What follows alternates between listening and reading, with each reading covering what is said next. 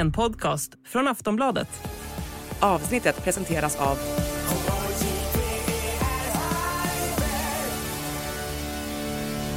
Stödlinjen.se, åldersgräns 18 år.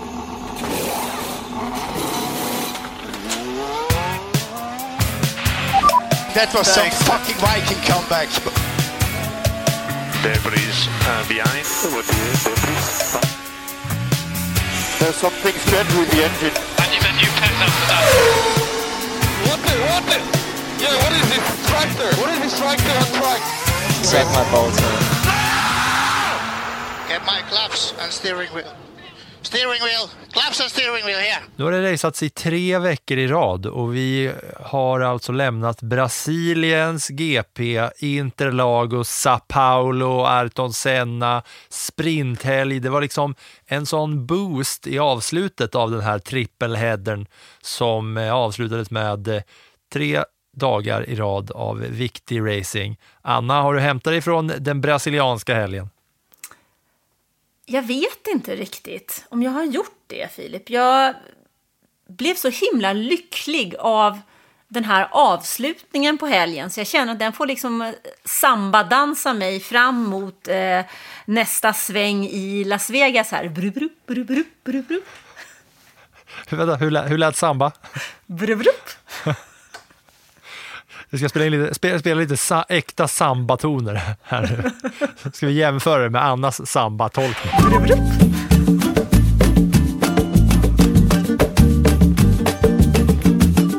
Brr, brr.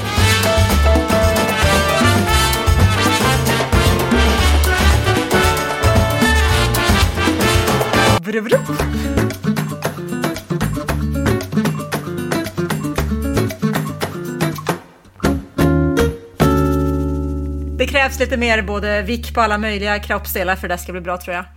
Ja, samba var det ju för eh, Max Verstappen och Red Bull sambade ju in i mål.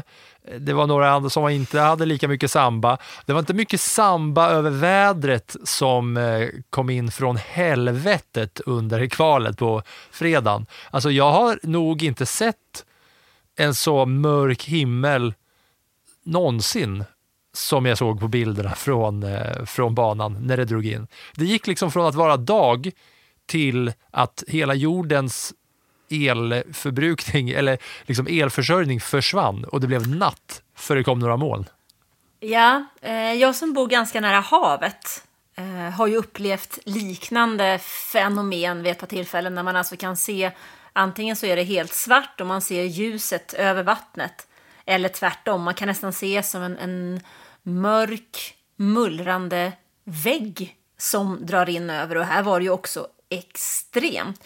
Det var nästan så att jag i, satt och funderade på varför i Hälsefy, när de såg att det här ovädret skulle komma in, varför man inte tidigare la kvalet lite grann för att hinna med det, för det här var ju ingen överraskning. Redan när jag satt och skrev bloggen tidigare i veckan och tittade på väderprognoser så var det ju tydligt att det skulle bli ett riktigt eh, ovädersområde som skulle komma in över Interlagos under fredagens senare timmar. Så där kan jag väl, nu när vi såg hur det blev och det var tälttak som blåste bort och det fanns risk för hälsa hos människor och man inte ens kunde köra igenom det här kvalet som slutade med ett totalt antiklimax, helt orättvisa förhållanden, så kanske man egentligen skulle ha tittat över, ja, är det den typen av regn, ja men flytta fram den timme då, så slipper vi undan.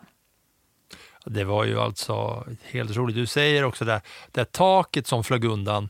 Det var ju också, alltså är det så här att man kollar på F1, lyssnar på den här podden, kanske man kollar på, ja en sprinthelg kanske man kollar på, spri, man kanske kollar sprinten och racet, men många kanske kollar racet. Men alltså, sök upp bilder på hur det såg ut på fredagen i, på banan alltså. Det är en syn som är värd att se om man inte har sett den redan. För det var otroligt alltså. Och det, taket flög, det, det liksom, taket vek hädan mot naturens kraft. Det var lite som, eh, jag fick nästan lite så Harry Potter-vibbar där. Dem liksom drog in över Sao Paulo och sög musten ur allt och alla som på något sätt var närvarande under den här helgen. Det tycker jag stämmer rätt bra för att eh, hela liksom det, eh, ja, omgivningen och allting bara förändrades no makalöst alltså. Vilket regn det var. Men när vi är på det där regnet och de där mörka svarta molnen så kan vi väl bara ta det, vad som hände i det där kvalet för att regnet var ju stora snackisen egentligen. Som var, det var kval på fredag. De fick köra en trä, träning först och sen var det kval. Och den största liksom förvåningen på fältet var, alltså det var lite liknande som förra året när Kevin Magnussen eh, klippte en eh, P1 där i kvalet. Men då var det på andra, liksom, eller då var det regn då också va, som gjorde att han, ja, men, de inte ja, hann köra klart va? Ja, men då var det precis. Men det, i år så kändes det egentligen som att det var inte regnet som ställde till det, utan det var vinden. Det var ju till och med så att när vi kommer in i Q3, eh, egentligen så är det så att Q1 och Q2 tyckte jag var ganska ointressanta. När man kommer in i Q3 så vet alla vet att det kommer att komma ett oväder. Och man går ut i tid. Eh, Oscar Piastri och Sergio Perez i de som är absolut sist ut. Och det är, de gör ju en felkalkylering för att de är så pass sent ute, för man vet att det här ovädret ska komma. Men det förarna vittnar om i efterhand är ju hur de upplevde att vinden på något sätt tog tag i deras bilar, vilket gjorde att de kunde inte styra. Lance Stroll som körde till sig en, en P3 här, turligt nog, han menade ju på efteråt att han hade haft problem att, att hitta bromspunkterna. Han, han var, låg fel i Apex och han gjorde enormt många misstag. Oscar Piastri kör av. Charles Leclerc vittnade om att han hade svårt att ens ta bilen i mål för att han visste inte riktigt hur han skulle ta sig runt hela vägen. Så att, och då hade det inte ens börjat att regna. Det droppade kanske lite, men framförallt så var det ju vinden som tog tag i allt som fanns i dess väg. Ja, och där kommer vi till det. Förra året så var, tog Kevin Magnussen en chockartad eh, första placering efter kvalet. Och nu får man väl ändå säga att Lance Stroll lika chockartat startar trea efter det här kvalet. Men det är för att de hinner damma in den där tiden innan regnet och vinden och allt börjar liksom ösa ner. Eller hur? För inte, inte var han väl eh, tredje snabbast egentligen. Det tror jag inte att han var, men nu är det ju så att det står ju det i resultatlistan. Det som är intressant med Aston Martin som har haft ett par otroligt dåliga helger är ju att de inför den här helgen bestämde, bestämde sig för att göra någon slags kompromiss av de uppdateringar de har haft på bilen och vissa äldre saker som man har haft. Istället för att göra allting nytt så har man försökt att hitta någonting, då en kompromiss mellan det gamla och det nya. Och det fungerade ju betydligt bättre här, vilket vi också såg sen i söndagens race, där de faktiskt plockade in två stycken topp fem placeringar. Så att de har ju gjort en förändring som har varit positiv och Stroll som inte har kunnat hantera bilen kände väl att han kunde det på ett annat sätt. Däremot så kan jag väl tycka att han har lite kvar eh, när det gäller hantering av mikrofoner och samtal med media. Ja, det vill man ju höra mer om kanske. Va, va, vad är det den här gången? Eller tänker du på, tänker du på härom, härom veckan eller var det något nytt nu? Nej, jag tänker mest på att han inte är så himla intresserad av att överhuvudtaget prata. Eh, när han, det är ju så här att Fia har ju regler för hur man ska uppföra sig mot media. Likväl som att mm, tv-kanalerna betalar enorma summor för att få, få sända, så har ju också då föraren en skyldighet att prata med media efteråt. Man måste prata med media. Um, och många av dem gör ju det i alla fall på ett hyfsat upprepande sätt, att man har någon slags mantra och berättar någonting i alla fall. Sen om det är det de egentligen tänker Eh, och känner, det är ju en sak. Men de säger ju i alla fall mer än tre stakande ord. Lance Stroll för några veckor hävde ju sig sju ord i en intervju. Eh, nu pratade han ju nästintill lika motvilligt eh, efter den här tredje, match, tredje platsen. Han, han ger ju liksom noll extra och det är väl min upplevelse också från de gånger som jag har varit på plats och haft eh, möjlighet att prata med honom, att han, han ger ju verkligen noll. Alltså det är som en sån här, jag höll på att säga en död fisk, så får man inte säga naturligtvis. Ja. Men Käns det är liksom... min, min känsla som inte har träffat honom är ju att han känner att alla andra människor inte är lika värda, värda lika mycket som jag. Nej, men jag skulle säga att snarare... Varför ska, min, varför ska jag ge min tid till de här? Är eller, eller snarare, här, här är han ju ointresserad. Ehm, och även i ett sånt här läge när han faktiskt har tagit en plats tre så är han ointresserad av att prata med de människorna som faktiskt ger honom förutsättningar att köra racerbil. För hade det inte varit så att de här tv-kanalerna hade betalat de här enorma pengarna så hade ju inte hans pappa velat satsa på att, att ge honom möjligheter att leka med sin stora hobby som han sysslar med. För att det hänger ju ihop och då är ibland får man ta och ibland får man ge och det behöver ju även eh, Lance Stroll kanske tänka en gång extra på. Mm. Kvalet på fredagen slutade alltså med Verstappen etta, Charles Leclerc tvåa och Lance Stroll då trea, Fernando Alonso fyra, eh, Lewis Hamilton, eh, Norris Sainz, Russell, Perez, Piastri där bakom. Mm, och sen då var det en annan grej som, som man liksom reagerade mycket på i Brasilien var att här var det inte bara omkörningar och overtakes på banan, utan här var det helt plötsligt godkänt att eh, köra om varandra i depån. Ja, eh, vi har ju haft problematiken att man har stått stilla på väg ut i depån i stort sett för att man ska få en tillräckligt bra med avstånd för att man ska kunna köra då sin tid i kvalet. Men det kom ju en förändring i reglementet till den här eh, helgen att man då inte skulle göra det med det. Däremot när vissa bilar då tar lite lugnt, lite lugnt ut, eh, ja, vad ska man säga, lite söndagskörning kanske, eh, hatten på, på väg ut, så var det helt enkelt tillåtet då att på höger sida köra om om man kände att jag har bättre fart. Och det eh, sysslade ju Max Verstappen med. Han, ibland så tänkte jag nästan, herregud, har han plats där att trycka i på väg ut? Men det hade han och det gjorde han, medan de andra tog det i lite mer eh, Österlen-tempo. Ja, ja han, hade, han hade inte många sekunder att bry sig om där alltså. Han skulle förbi bara. Alla andra radade upp och köade liksom fint och snällt. Men sen så kom Verstappen på högerkanten och dammade full fart förbi dem allihopa. Det tyckte jag var, eh, det var något nytt i alla fall att se att omkörningarna helt plötsligt är godkända att göra i depån. Men det var fredag. Sen kom då sprintdagen lördag när man då efter kvalet inte får göra några ändringar på sin bil. Och det här har vi pratat om många gånger, men eh, det är ju några som drabbas mer och några som drabbas mindre av det här. Men sprintkvalet är väl då om man ska rangordna det som är minst intressant en sån här helg, va? efter träningen, så är väl sprintkvalet det som är liksom av lägst värde så att säga.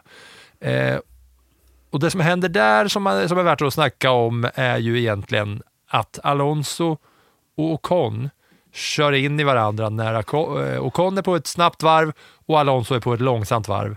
Så svänger Alonso och ska släppa förbi Ocon, men han svänger in i honom. Det, alltså det kändes nästan som att... ja, men, det känns nästan som att han, han ska titta i backspegeln och samtidigt som han tittar så vrider han på ratten. Ungefär som att det är en reaktion, vilket han nat- naturligtvis vet att han inte ska göra. Sen har ju Ocon fått ett, ett släpp tidigare. Han har ju på något, det, det, det släpper ju hans bil, så han glider ju åt höger. Det känns ju som att det är, verkligen är en, en eh, race incident. Det är maximal otur att precis hans bil, Ocons bil får ett släpp som gör att han går typ en meter åt höger och eh, Alonso ser att någonting kommer så han tittar åt vänster och styr typ 20 centimeter åt vänster och så går de ihop. Maxad Ja, otur. men, men alltså jag tänker, varför kan inte Alonso bara hålla ut ordentligt till höger? Varför ska han ligga i mitten när, när man vet hur man vill ta den där kurvan? Egentligen. Det hade inte, och jag skulle säga, hade inte Ocon fått det där släppet så hade det ju inte varit något problem överhuvudtaget. Det, men Ocon och många andra, eller Ocon hävdade ju det också, att det var ju inte liksom, det där släppet hade ju många i det där eh, kurvan. Att så här, det, visst, det ser väl ut som att i exakt en sekund har det där släppet, men må många gånger så har man ju det där, så får man ordning på bilen, fullt rattutslag, så pang, sen är det ordning. Det såg vi hur många som helst de hade hela tiden.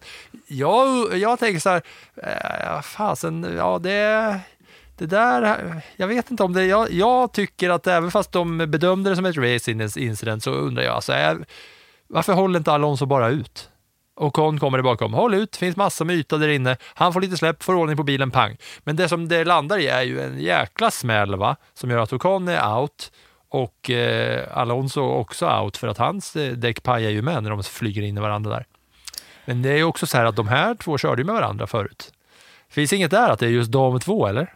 Att Alonso ska vara, som Alonso är, på gränsen till för mycket.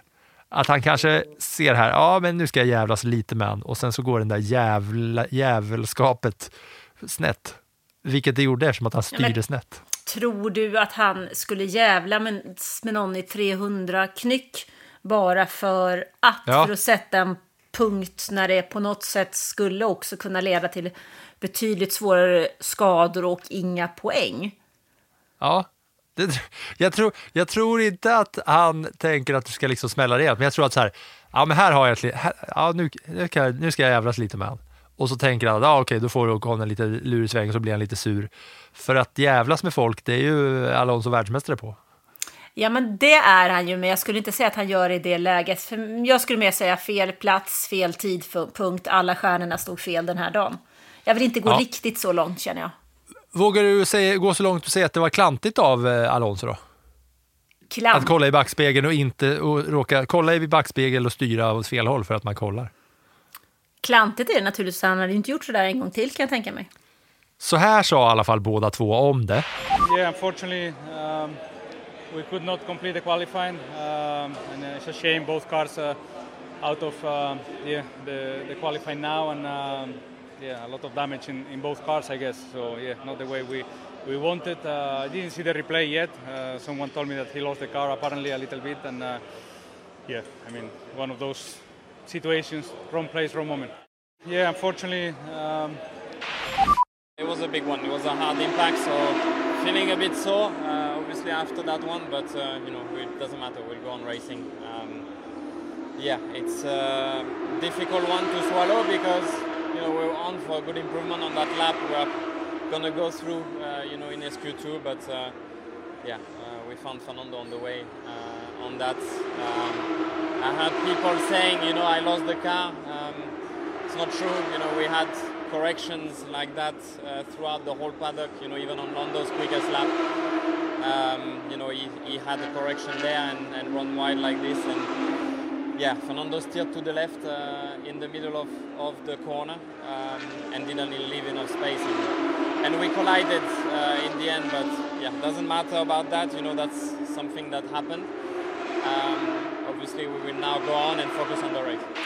Ja, sen gick det i alla fall ett par timmar och då fick eh, Alpin ordning på bilen och Aston Martin fick ordning på bilen. Så båda två kom i alla fall ut till sprinten och skulle köra. Behöver man ens nämna hur startordningen var i sprinten? Eller? Det är väl skitsamma kanske? Eller? Alltså, jag tycker att det där var en sprint eh, som var intressant. Där alla egentligen körde på mjuka däck på ungefär 24 varv, ungefär så som en stint av de tre i racet är på. Men även om det var många intressanta fighter i fältet fram och tillbaka och omkörningar på ställen där man kanske inte hade förväntat sig att det skulle vara, så tyckte jag att det var en ganska ointressant sprint faktiskt. Mhm. Jag tänkte precis säga här att den här sprinten är ju precis vad eh, sprintförespråkarna skulle kunna ha som argument för att sprint faktiskt är något att ha. För att det var action överallt och hela tiden. Vad säger jag innan vi fortsätter prata om sprinten. Sprintkvalet så tog eh, Lando Norris pole före Verstappen, Perez, Russell, Hamilton där bakom. Så det var lite i sprintkvalet var ju att Norris tog där först och sprinten börjar ju med att Norris gör en katastrofal start och tappar hur mycket som helst. Nu åter till att det här var liksom en, eh, en sprint där det faktiskt var action på många ställen överallt och hela tiden. Tyckte och tänkte jag. Jo, men det var det, absolut. Men jag tror att jag tappade lite intresset just för att Norris gör den här katastrofala starten och Verstappen tar ledningen. Plus att det är den sjätte sprinten i år. Den sjätte sprinten och vi har haft tre sprintar nu på förhållandevis kort tid. Det har väl nästan så att det har gått lite inflation i sprintarna här på slutet, vilket gör att jag kände inte alls samma engagemang för den här sprinten som jag känt tidigare. För de två tidigare åren som sprinten har varit i Brasilien, både 2021 när Hamilton eh, diskas från kvalet, han gör en upps- uppkörning i sprinten, han flyttas tillbaka sen till racet, eh, men ändå ta och vinner racet och tar sig tillbaks in i VM-kampen 2021. Samt i fjol när Russell plockar segern i sprinten och i racet, vilket gör att Mercedes på något sätt kommer tillbaks, men också får den dumma idén att behålla är grunden till bilen som de fortfarande lider av. Men i de två kände jag att ja, men det var någonting. Men i år så kände jag bara, aha, sprint igen, det är ju avgjort. Mm. Förstår du min känsla? Ja, ja, ja jo, absolut. Eh, det hade ju så här va, med en sprint så här sent in på säsongen så hade det ju varit ultimat om det fanns något att köra om.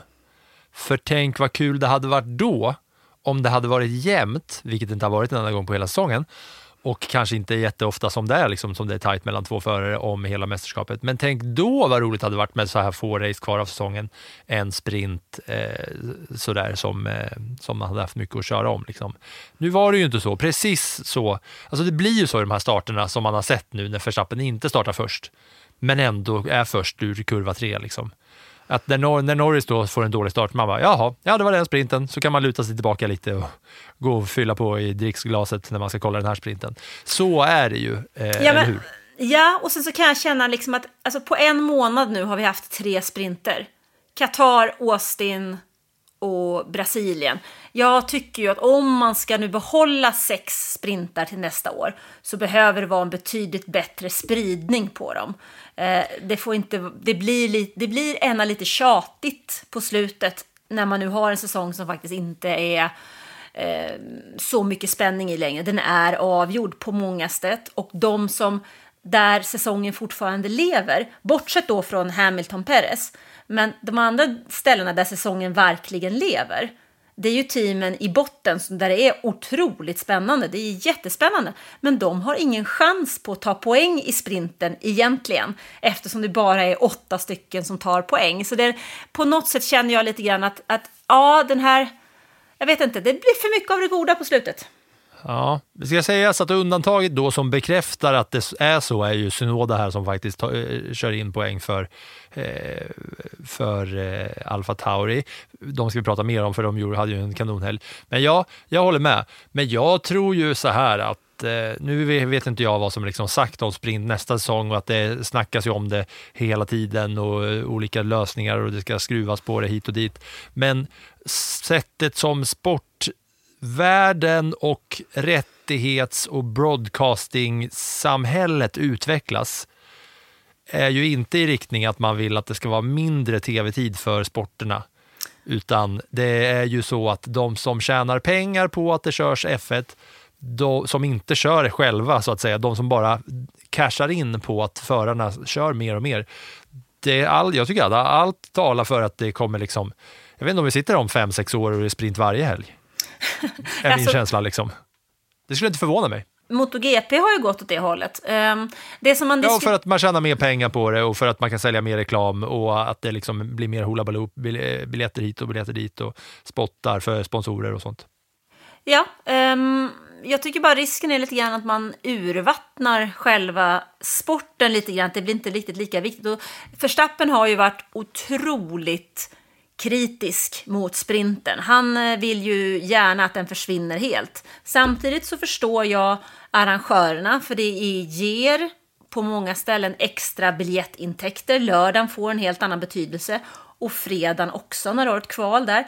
Eh, det går ju lite diskussioner nu om man ska liksom bryta ut sprinten och sätta den till någon slags eh, bonusutbetalnings prispeng-race istället så att förarna får tjänar pengar, extra pengar i sprinten i någon slags eget mästerskap.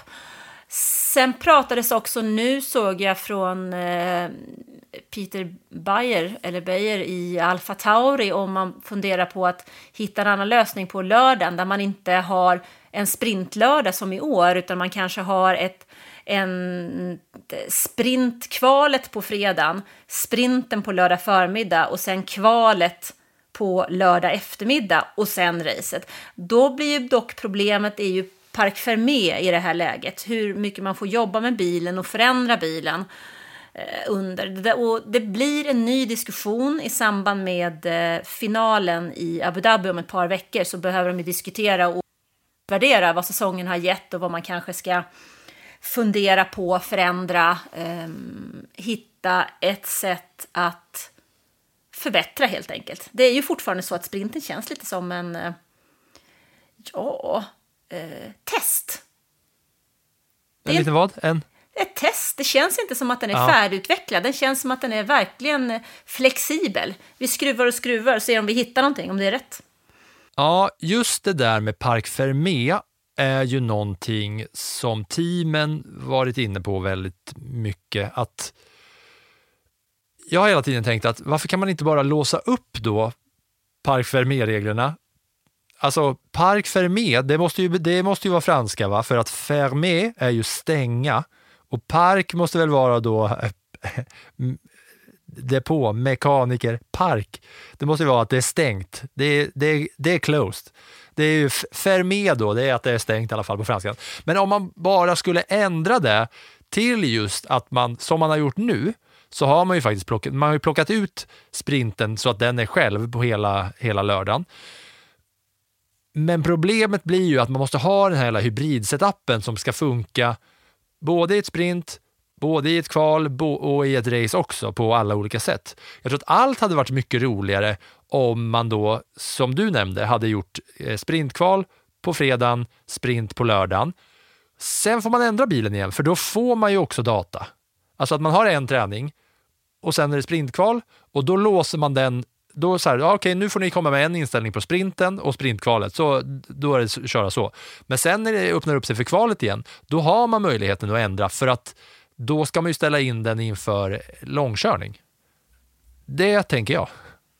Vad, tänker, vad tycker du om det? Ja, men det kanske är en idé. Sen är ju frågan om vad det ger, tänker jag, när vi tittar på budgettak och sådana saker. Eh, för då kommer det ju bli så att man har olika delar med sig till bilen också säkerligen för att man ska kunna anpassa bilen till olika saker.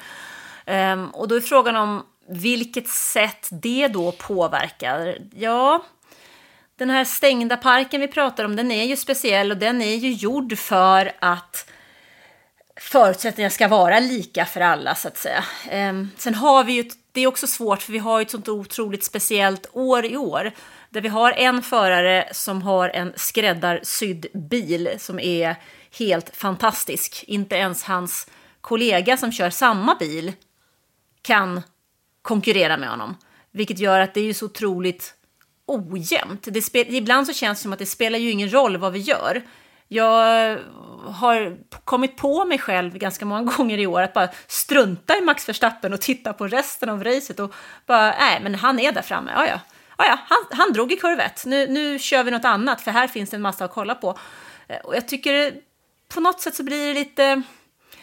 Det är svårt att ta alldeles för många beslut efter en sån här säsong. För frågan är ju om det kommer att se ut likadant till nästa säsong om de andra. För för varje säsong som det går i ett nytt reglemente så kommer ju konkurrenterna närmare. Så var det ju även under Mercedes dominans, så att säga. Så att jag... Jag tycker Jag någonstans säger, att... Vi, jag säger öppna, upp, öppna upp parken med efter sprinten och låt dem köra kvalet och skruva och hålla på hur de vill. Sen stänger Mm. man parken igen. ja, skruva och hålla på hur de vill. Ja, ehm, Skruva fritt! Släpp Skruva. skruven fri! släpp skruvarna fritt i vår. Ja, vi får väl eh, se lite grann eh, vad de kommer fram till. Men jag är helt säker på att de måste göra någonting. Sen kan jag ju känna att jag tyckte nog att tre sprintar var bättre än sex. Mm, men det kommer du inte få se i framtiden tror jag. Det blir nog mer än sex. Hallå, ni som lyssnar, ni kan väl, så här, vissa av er kommenterar väl en del på Annas blogg. Kan inte folk gå in och liksom eh, kötta ner vad de tycker? Vad, vad säger ni om att upp, stänga parken för sprint och öppna parken för race? Kan vi skriva vad ni tycker där så kan, man liksom, kan vi se lite, för den här diskussionen kommer ju inte vara över. Det kan ju vara roligt att veta vad folk som lyssnar på det här tycker, va?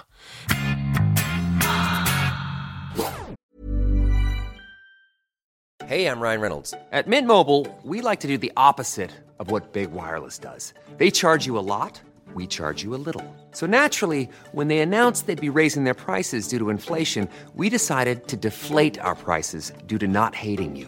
That's right. We're cutting the price of Mint Unlimited from $30 a month to just $15 a month. Give it a try at mintmobile.com slash switch. $45 upfront for three months plus taxes and fees. Promo rate for new customers for limited time. Unlimited more than 40 gigabytes per month. Slows. Full terms at mintmobile.com.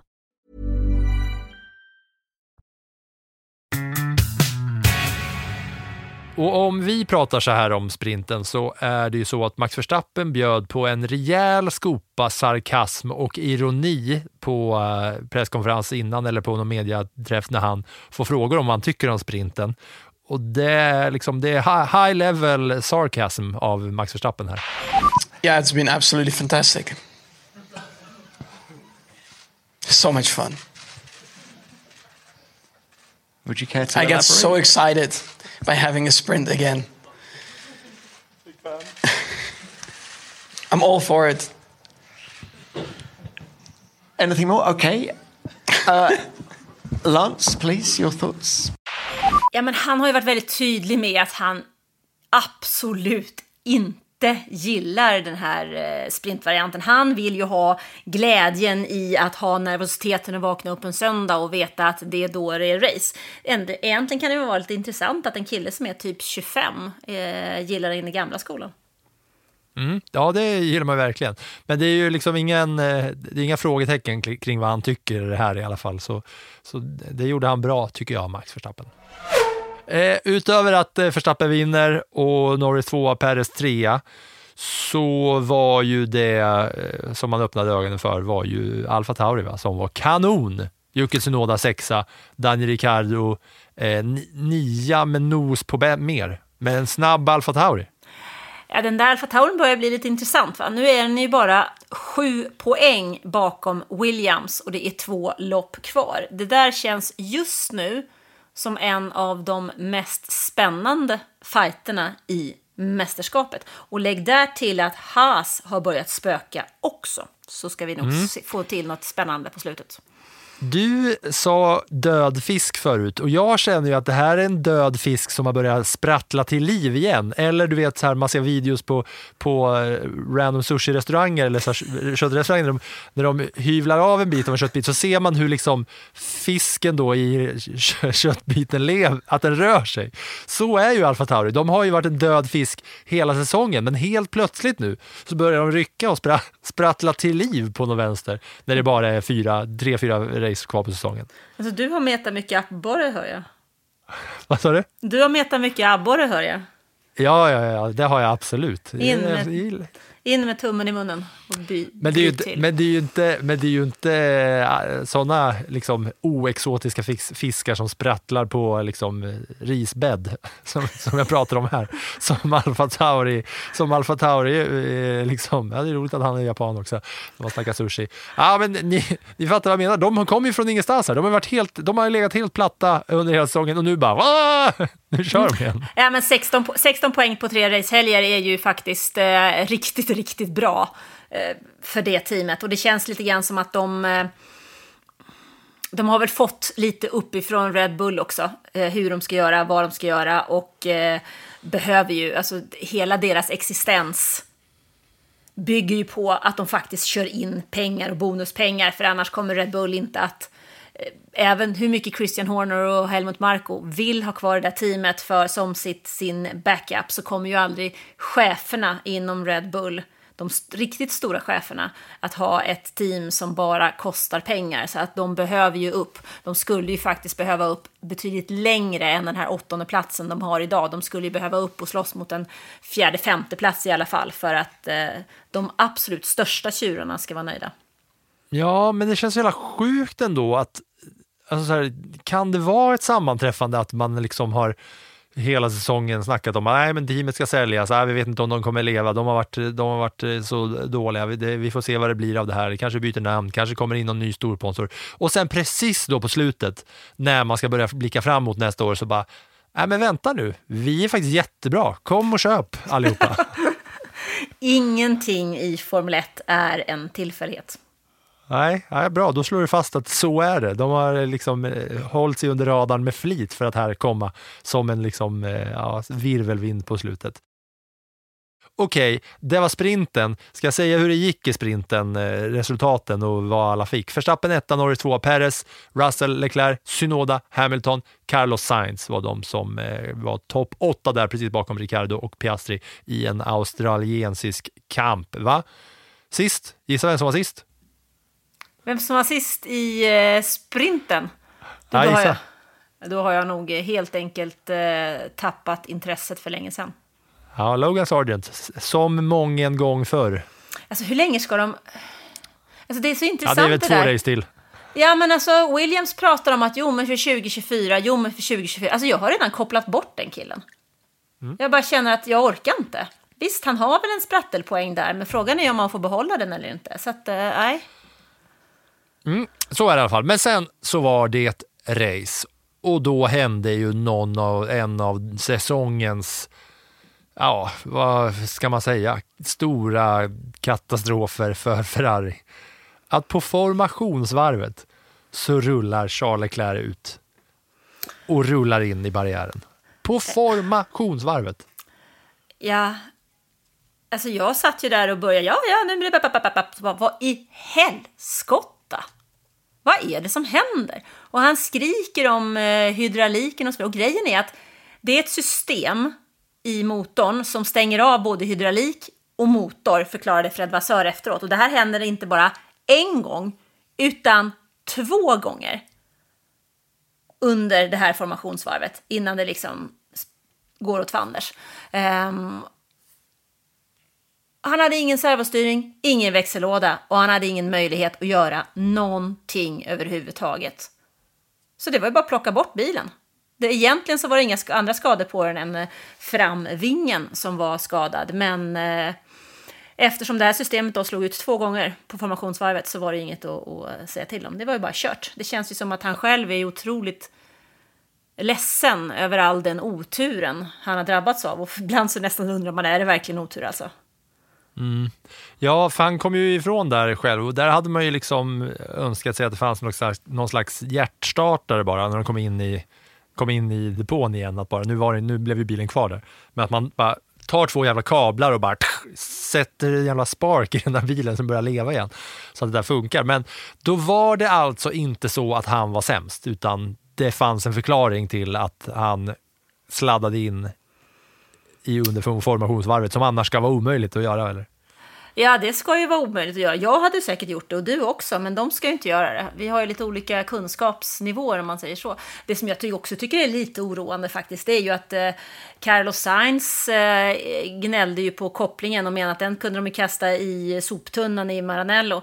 Eh, och jag tycker att Ferrari, Fred Vassör har ju haft ett tag om det där teamet nu i ett år. Ferrari är ju alldeles för bra, eller ska vara alldeles för bra för att såna här saker ska få hända om och om och om igen. Mm. Ja, det var ju i alla fall den största grejen som hände där. va? Är vi klara med eh, Ferrari där eller ska vi säga något mer om eh, hela den grejen? Det var deppiga bilder på att se Leclerc springa där i gräset efteråt. Eh, inte glada och så var det ju inte så att eh, Sainz hade världens snabbaste bil heller va? Nej, alltså det känns ju som att de bara väntar på att den här säsongen ska ta slut. Um, och de är väl inte ensamma. Det finns ju ett par team till som nu bara drar ut på den här extremlånga säsongen. Uh, och då kan vi vänta oss att nästa år så blir det ännu längre. Då blir det 24 race. I år är det bara 22. Mm. Mer racing åt reklamförsäljarna och sponsorerna. Va? Um, annars så har jag skrivit så här att det som var intressant var starten av det här racet. Det är en smäll då, först att innan starten så kör Leclerc bort. Sen smäller Magnusen och Albon ihop för att det är tajt och eh, mycket folk och bilar överallt. Där smäller de två ihop och eh, Ricciardo får nästan ett däck i skallen efter den här eh, starten. Ja, det där är ju lite... Det känns ju som att eh, Hulken gör ju en, eller Nico Hulkenberg, han gör ju en väldigt dålig start. Eh, och det blir tre bilar i bredd där. Magnusen och Albon. Och Hulken anser sig att han är inklämd och inte kan göra någonting. Eh, Albon tycker att det är Haas fel och eh, Magnusson eh, tycker att han bara blir träffad. Eh, eller Magnusen. Det är ju en sån här... Ja, det är ju också en race-incident egentligen. Tre bilar i bredd går ju sällan bra. Ja, nej, det har vi sett många gånger under den här säsongen. Mest tydligast när Perez flög i Mexiko. Va? Men ja, det var ju det som hände. Eh, de försvinner de där två. Eh, och Daniel Ricciardo får ett däck som landar på hans bakvinge, vilket ställer till det för honom under det här racet. Det, var ju, det påverkade ju flera stycken eh, här. Så vi tar Ricciardo kanske, för att han hade ju lite vansinne inom sig när eh, det här racet var över. För att det här leder till att det blir röd flagg direkt ju. Men Ricciardo och Verstappen, eller eh, Piastri, de får ju problem med sina bilar som gör att de måste gå in och eh, hålla på och mecka lite. Ricciardo, eh, de pajade, pajade ju DRS-systemet eh, där bak på bakvingen eftersom han fick ett däck flygande på sig. Vilket leder till att när sen omstarten görs så får de starta ett varv bakom alla andra. Vad säger du om det, Anna? Så när starten börjar så är de plus ett varv redan, även fast de står på starting, startgriden tillsammans med alla andra, så är de ett varv bakom.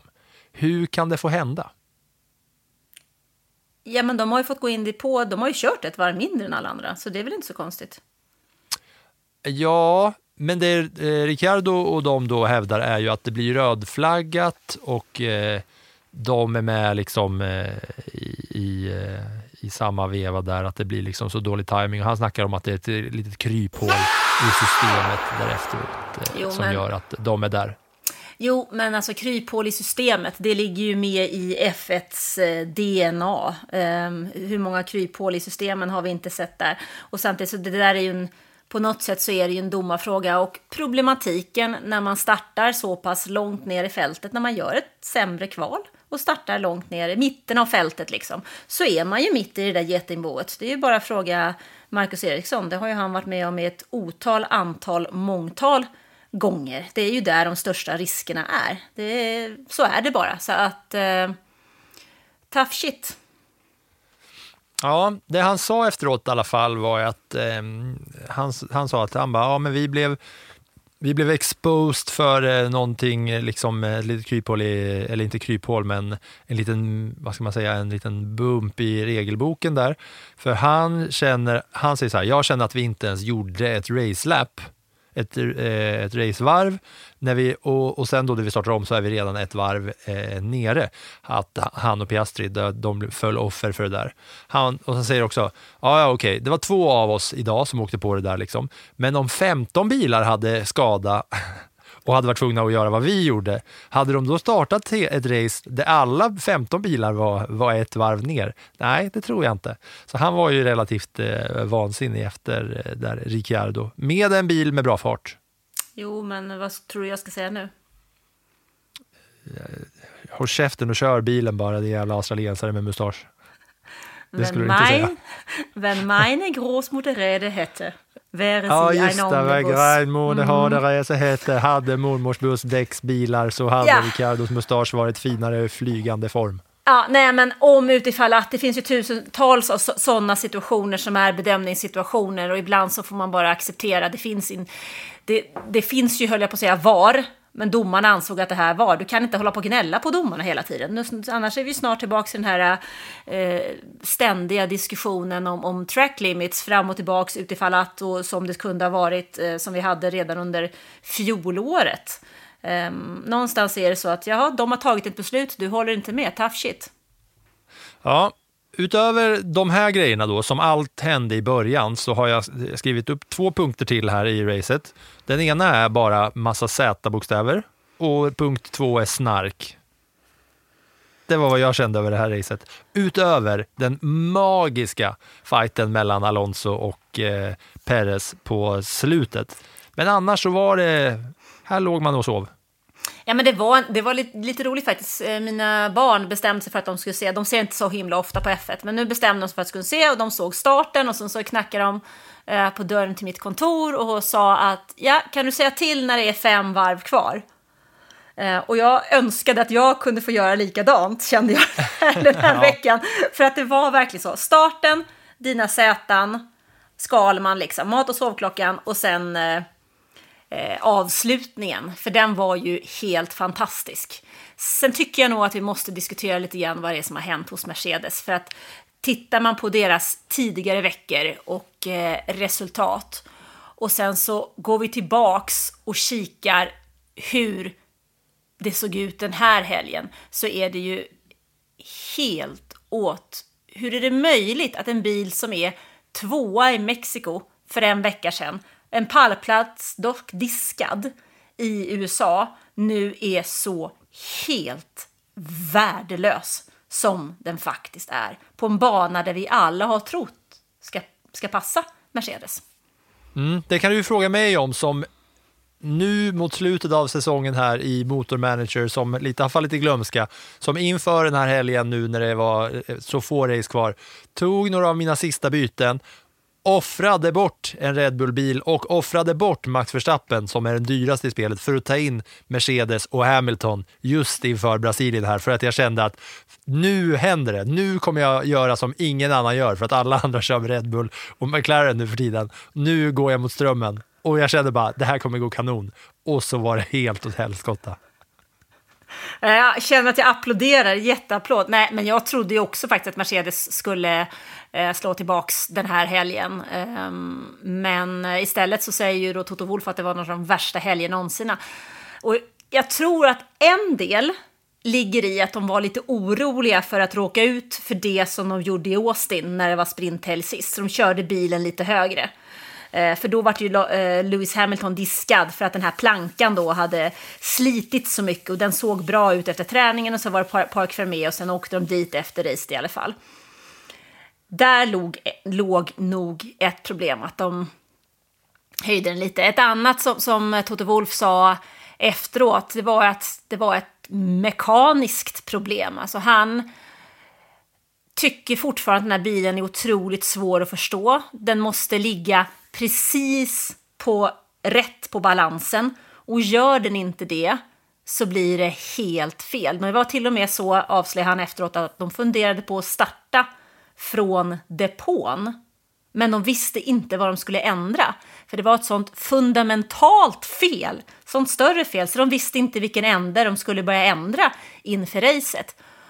Och tittar vi på det, alltså däcken överhettade på rakerna, de har noll fäste i kurvorna, luftmotståndet var katastrofalt och ja, Lewis Hamilton säger att han är bara glad när de får parkera den här bilen. Och jag kan väl känna lite grann att ja, Eh, det var precis samma sak som han sa i fjol i slutet av säsongen. Ja, den här V13 är det sämsta jag någonsin har kört. Och nu säger de samma sak för V14. Alltså begrav den där bilen. Ös på bara med jord. Gör någonting, gör om, gör rätt, gör nytt. För ni har redan tappat två år. Kom ut med en annan sportbil. Det hade varit kul om de kom ut i en liksom Mercedes, alltså säkerhetsbilen och körde. typ. Det hade de kanske gillat. Trimma ja, men... den där lite grann och köra med vanlig bil bara.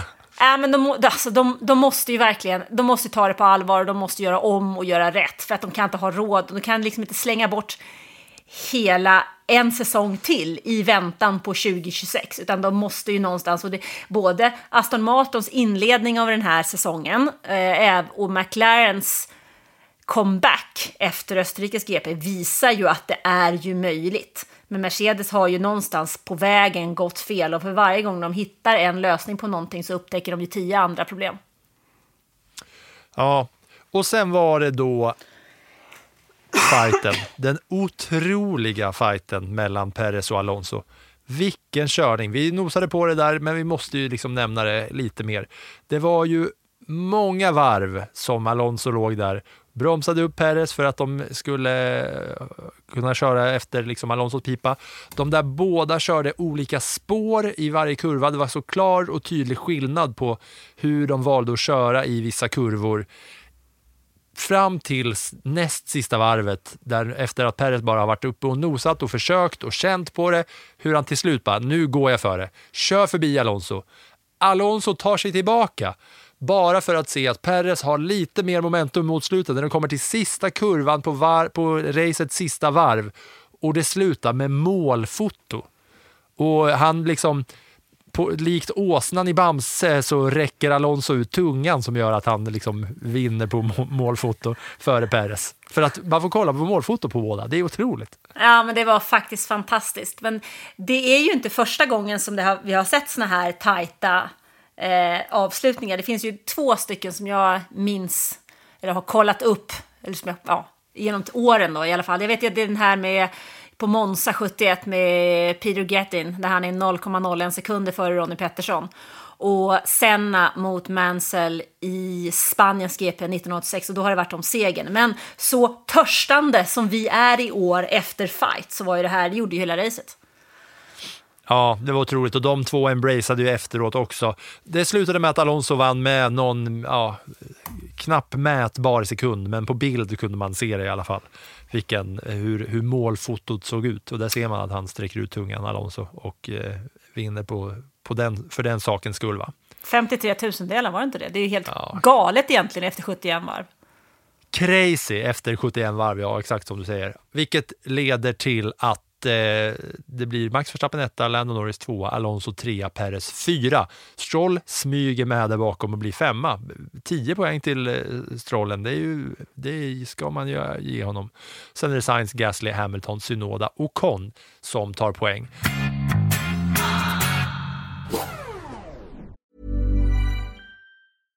Hej, jag Ryan Reynolds. På Mint Mobile, we like to do the opposite of what Big Wireless does. They charge you a lot, we charge you a little. So naturally, when they announced they'd be raising their prices due to inflation, we decided to deflate our prices due to not hating you. That's right. We're cutting the price of Mint Unlimited from $30 a month to just $15 a month. Give it a try at mintmobile.com slash switch. $45 upfront for three months plus taxes and fees. Promo for new customers for limited time. Unlimited more than 40 gigabytes per month. Slows. Full terms at mintmobile.com.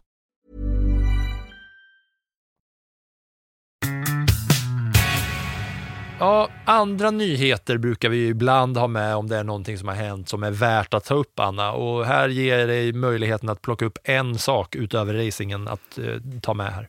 Ja, men då känner jag att idag onsdag så har eh, faktiskt Red Bull, Williams och Aston Martins kallats till, ett, kallats till ett digitalt möte med FIA. Och anledningen är att Haas har lämnat in en protest mot resultatet i USAs GP där Nico Hülkenberg var 11.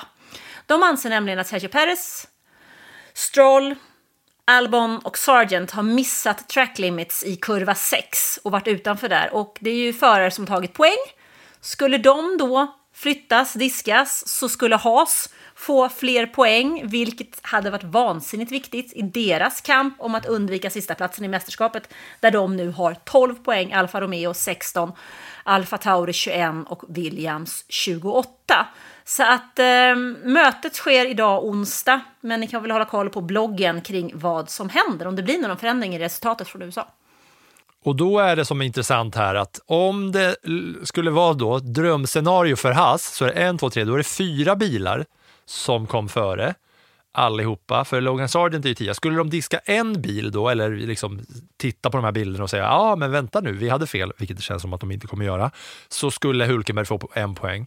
Skulle de säga att två av de här bilarna, ja, men det var ändå track limits, då är det två poäng. Skulle det vara tre, då är det fem poäng till Hulken. Skulle alla fyra av de här som de visar upp på, Perez och Sargent och de här, då skulle det helt plötsligt bli sex poäng till Haas. Ja, Sjukt va? Ja, och dessutom skulle faktiskt Kevin Magnusson vara 14 man i det Robert, så då kanske han skulle pilla in på honom på poäng och han också. Ja, det är snyggt. Det är liksom motsvarigheten till att vinna i kavaj, att liksom eh, protestera sig till en, eh, någon slags eh, miljonvinst av Haas. Nu du, Anna, plussa Brasiliens GP-helg.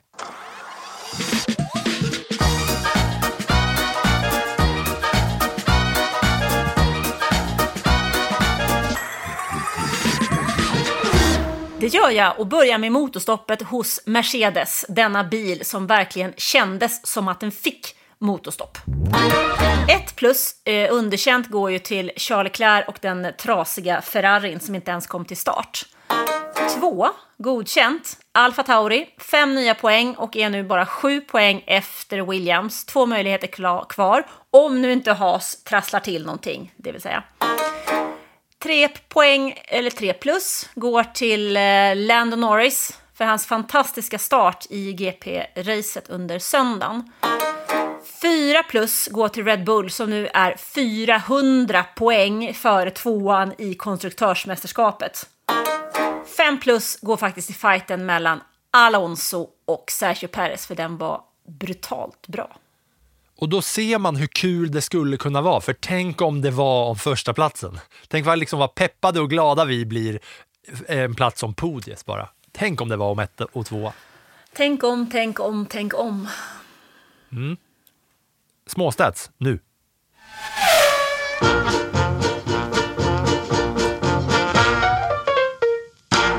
Och nu har jag tjatat om det i ett par veckor här att Verstappen har möjlighet att slå Alberto Ascaris vinstprocent i, eh, under en F1-säsong.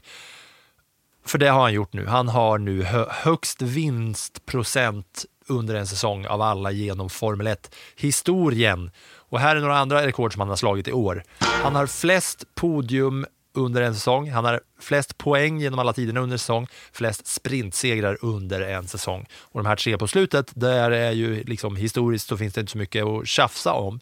Men det här med procent, eh, procentsatsen av att segra är ju någonting. va. Och du sa det här med eh, Red Bulls poäng va? i konstruktören. Och det är nämligen så här att Max Verstappen, han har nu vunnit konstruktörsmästerskapen själv. Han hade inte Red Bull hade inte behövt ha en andra förare, utan Max Verstappen slår alla andra ensam. I en bil så slår Verstappen alla andra teams två bilar. Så det vill säga, Red Bull skulle kunna struntat i att ha Sergio Perez och de hade ändå vunnit konstruktörsmästerskapet. Tänk vad mycket pengar de hade sparat på att bara, nej men hörni, vi skiter i det här. Vi behöver bara en förare. Vi kör på Max Verstappen, så vi behöver inte lägga några pengar på en till bil. Vi kommer vinna ändå lite kaxigt när de bestämmer sig då två dagar före julafton att det är precis så de gör till 2024. Ja, ah, vad coolt det skulle vara. Alltså, då, då vinner de sympatier alltså. Om de, om de säger att nej, vi kör på en bara. Nu jäklar hörni, nu blir det, nu blir det kamp. Eh, det här har hänt förut. Schumacher gjorde det 2001, 2002, 2004. Vettel gjorde det 2013 och eh, Hamilton 2020. Sen hittade jag lite äldre. Senna gjorde 88, Mansell 92, Prost 93, Damon Hill 96. Så det har hänt ett par gånger att en har kört hem hela mästerskapet själv. Leclerc körde ju bort sig på formationsvarvet och eh, nu har han, eh, vad jag då ger honom, en grand slam i trebokstavskombination. Han har den här säsongen DNS, did not start, DNF, did not finish och DSQ, disqualified. Han har tagit alla tre den här säsongen. Ej till start, ej i mål och diskad. Och sen är det så här att eh, Lando Norris, han fortsätter ju köra bra och komma på podiet, men det är omöjligt att, slå Max Verstappen. Så han har nu eh, eh kommit upp på delat i, eh, han tog trettonde podiet i karriären, gör att nu han är delad med Nick Heidfeld för flest podium utan att ha en enda seger någonsin. Det var allt ni får om Brasiliens eh, racehelg. Och nästa vecka så ska det inte racas. Vad ovant det känns. Alltså nu har det varit så många race i rad där vi har alltid pratat ner ett race och sen har vi sett fram emot en racehelg. Men nu är det uppehåll en vecka innan det ska köras då i Las Vegas. Det största jippot motorsporten kanske någonsin kommer ha sett när det väl körs. Men det tänker vi att ni ska, ni ska få höra om nästa vecka när vi då snackar upp Las Vegas eh, GP. Men eh, några tankar bara så här nu då med, eh, med två veckor fram, eh, Anna? Ja, ett, i helgen så blir ju då VM i rallycross istället, där Johan Kristoffersson kan plocka hem ännu en VM-titel. Två, Las Vegas. Känns som det finns en liten risk för att det blir ett jippo och inte en deltävling i Formel 1. Eh, tre förresten, det är ju Macau GP den helgen också och det tycker jag ska bli väldigt kul för där har vi Dino Beganovic i denna klassiska eh, murstadsloppsrace, eh, eller vad vi nu ska kalla det för. Det tycker jag ska bli lite kul. Berätta mer om det där, för att det här får mig att eh, resa på mig ur stolen. Dino Beganovic i Macau. Vad, mm. vad, vad är det för liksom klass, organisation och betydelse och allt sånt? Det här det är det som är lite roligt. Macau GP är en klassiker, fyller 70 år. Eh, det körs i Formel 3 och är egentligen inte med i någon organisation överhuvudtaget. Det är inte med i något mästerskap. Men det gör ju att det här racet har ju förarna alla ögon på sig. Det är en blandning av förare från faktiskt Indycar, Formel 2 och Formel 3 som ställer upp i detta makalösa stadslopp där du har flera träningar, kval och kvalrace och sen avslutat det med ett race. Det har vunnits av förare som eh, Michael Schumacher, bland annat. Eh, Ralf Schumacher tror jag också har vunnit, David Coulthard, om jag inte minns helt fel. Rickard Rudell har vunnit, Felix Rosenqvist har vunnit två gånger. Eh, Dino ställer upp i år för första gången och har ju totalfokus på det där för att folk ska kika på honom eh, och få upp ögonen för vilken fantastisk förare han är. Och det blir lite som en, ja, nästan som en VM-final eftersom det är fristående. För alla förarna kommer ju dit och ingen behöver tänka på ett mästerskap. Utan alla förarna kommer dit med en enda tanke. Vinna racet. Ja, det är ju eh, jättekul faktiskt. Det här vill man ju se. Ja, man, jag kollar in startlistan här nu. Det är, det är ett par namn som vi känner igen från F3 och, och sådär. Dino är där, Paul Aron, eh, Montoya är där, Göte är där. Eh, Mansell. Eh, ja, det är några stycken där som vi känner igen eh, från eh, lite andra klasser. Vad, vad kul det här eh, ändå låter som va? Ja, det, det, är vad man har, det är vad man har att blicka fram emot. Um, jag kan säga också att jag har ju nu, eh, jag kör ju lite mer egen F1-simulator hemma i min lilla racingrigg och jag har kört Las Vegas-banan. Kanonkul att köra. Kanonkul bana att köra. På tv-spelarna. Banan är kanon. Vad härligt, då får vi höra om det nästa vecka då. Ja, då blir det någonting man får hålla koll på samtidigt som man racear i Vegas. Va? Men vi, får väl, vi snackar väl upp det lite mer kanske eh, nästa vecka när vi även snackar upp Las Vegas. Då kan vi väl ha en liten flik där om eh, Macao också, även fast ni har fått höra lite om det nu. Nästa vecka så blir det lite nyheter och lite gött och annat och härliga saker. Och nu hörs vi om en vecka. Tack för idag. Hej då! That was some fucking Viking comeback. Debris uh, behind. There's something strange with the engine. And a new pet after that. What the, what the? Yeah, what is this tractor? What is this tractor on track? Set my bolt on. Get my claps and steering wheel. Steering wheel. Claps and steering wheel here.